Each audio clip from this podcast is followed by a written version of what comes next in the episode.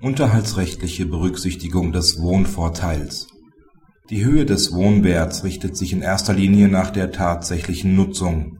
Ebenso spielt es eine Rolle, ob die Immobilie, gemessen an den Einkommensverhältnissen, zu groß ist oder noch keine Verwertungspflicht besteht.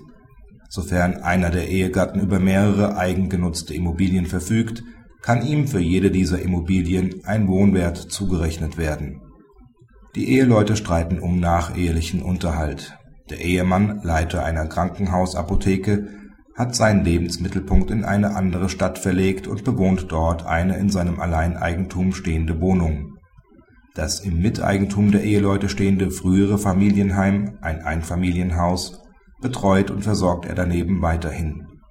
Die Eheleute sind sich darüber einig, dieses Haus zu veräußern der Ehemann wehrt sich gegen die Zurechnung eines Wohnwerts sowohl für die Eigentumswohnung als auch für das Einfamilienhaus. Der BgH ist der Auffassung, dass dem Ehemann für beide von ihm genutzte Immobilien ein Wohnwert zuzurechnen ist. Auf den konkreten, auch zeitlichen Umfang des persönlichen Gebrauchs kommt es dafür nicht entscheidend an.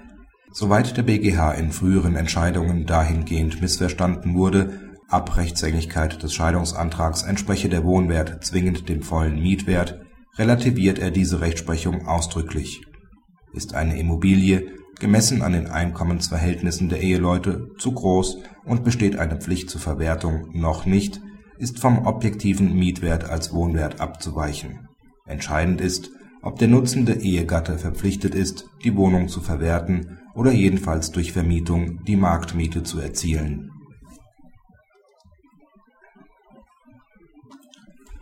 Im konkreten Fall lehnt der BgH die Anrechnung des vollen Mietwerts für das Haus ab.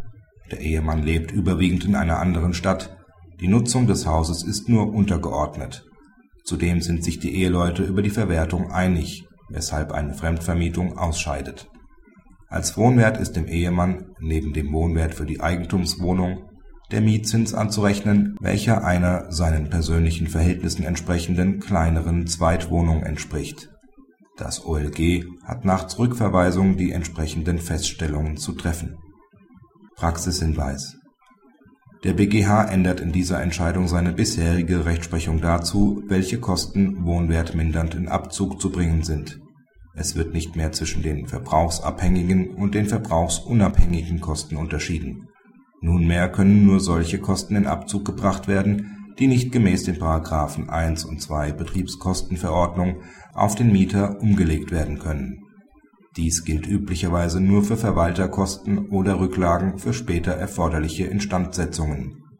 Grundsteuer sowie die Kosten der Sach und Haftpflichtversicherung sind nach § 2 Betriebskostenverordnung umlagefähig und mindern damit nicht den Wohnwert